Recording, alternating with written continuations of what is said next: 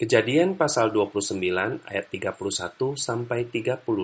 Ketika Tuhan melihat bahwa Lea tidak dicintai, dibukanyalah kandungannya, tetapi Rahel mandul. Lea mengandung, lalu melahirkan seorang anak laki-laki dan menamainya Ruben, sebab katanya, Sesungguhnya Tuhan telah memperhatikan kesengsaraanku. Sekarang tentulah aku akan dicintai oleh suamiku. Mengandung pula lah ia, lalu melahirkan seorang anak laki-laki. Maka ia berkata, Sesungguhnya Tuhan telah mendengar bahwa aku tidak dicintai, lalu diberikannya pula anak ini kepadaku. Maka ia menamai anak itu Simeon, mengandung pula lah ia, lalu melahirkan seorang anak laki-laki. Maka ia berkata, Sekali ini suamiku akan lebih erat kepadaku, karena aku telah melahirkan tiga anak laki-laki baginya. Itulah sebabnya ia menamai anak itu Lewi. Mengandung pula lah ia, lalu melahirkan seorang anak laki-laki. Maka ia berkata, Sekali ini aku akan bersyukur kepada Tuhan. Itulah sebabnya ia menamai anak itu Yehuda. Sesudah itu ia tidak melahirkan lagi. Sahabat, pemazmur mengatakan, Tuhan itu dekat kepada orang-orang yang patah hati dan ia menyelamatkan orang-orang yang remuk jiwanya. Mungkin begitulah gambaran dari hati Lea yang tidak dikasihi Yakub.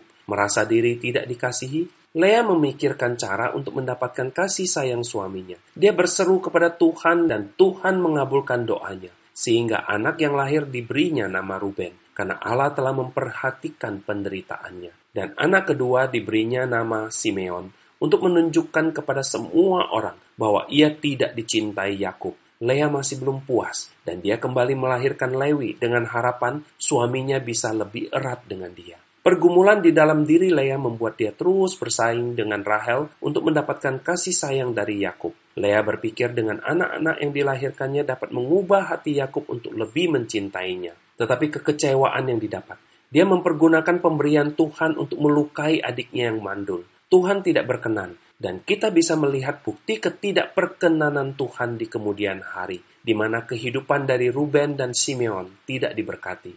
Sahabat, seorang yang mau belajar, pasti akan mengalami perubahan. Lea belajar dan sadar dari motivasi hatinya, sehingga anak keempat diberinya nama Yehuda. Dia belajar untuk bersyukur akan berkat dan penyertaan Tuhan.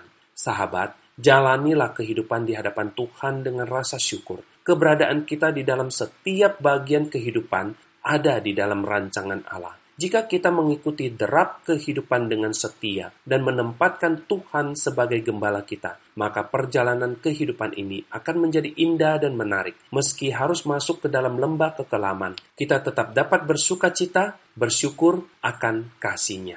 Amin.